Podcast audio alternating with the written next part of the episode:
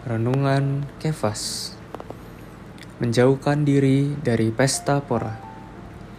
Ayat Alkitab Lukas pasal 21 ayat 34 Jagalah dirimu supaya hatimu jangan dibebani oleh pesta pora dan kemabukan serta kekhawatiran hidup sehari-hari.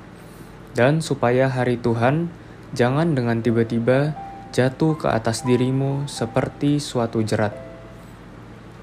Orang tua yang mengasihi anaknya pasti akan memberi nasihat atau peringatan yang dapat menjauhkan anaknya dari segala masalah atau kejadian yang merugikan anaknya. Bahasa Yunani yang diterjemahkan pesta pora menunjukkan suatu keadaan yang pening akibat mabuk.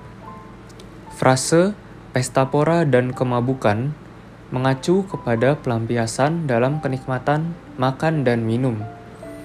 Orang-orang yang gemar memuaskan nafsu mereka dengan makan dan minum, dan yang syarat dengan kekhawatiran hidup akan terbius oleh kenikmatan dan kekhawatiran mereka. Tiba-tiba, dengan tidak disangka, hari itu akan datang kepada mereka seperti suatu jerat suatu jaring yang menangkap mereka. Jerat ini akan menimpa semua orang yang diam di seluruh muka bumi ini. Sobat Kefas, firman Tuhan adalah penjagaan kita. Firman ini telah diberikan pada 2000 tahun yang lalu.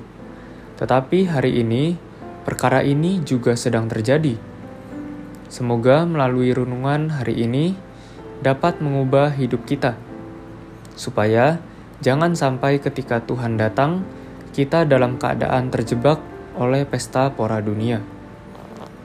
Terang hari ini, satu, pesta pora adalah pelampiasan kenikmatan akan makan dan minum. Dua, peringatan yang Tuhan berikan adalah tanda kasihnya. Poin doa, berdoa agar dijauhkan dari pesta pora yang membuat kita tidak dapat berjaga-jaga.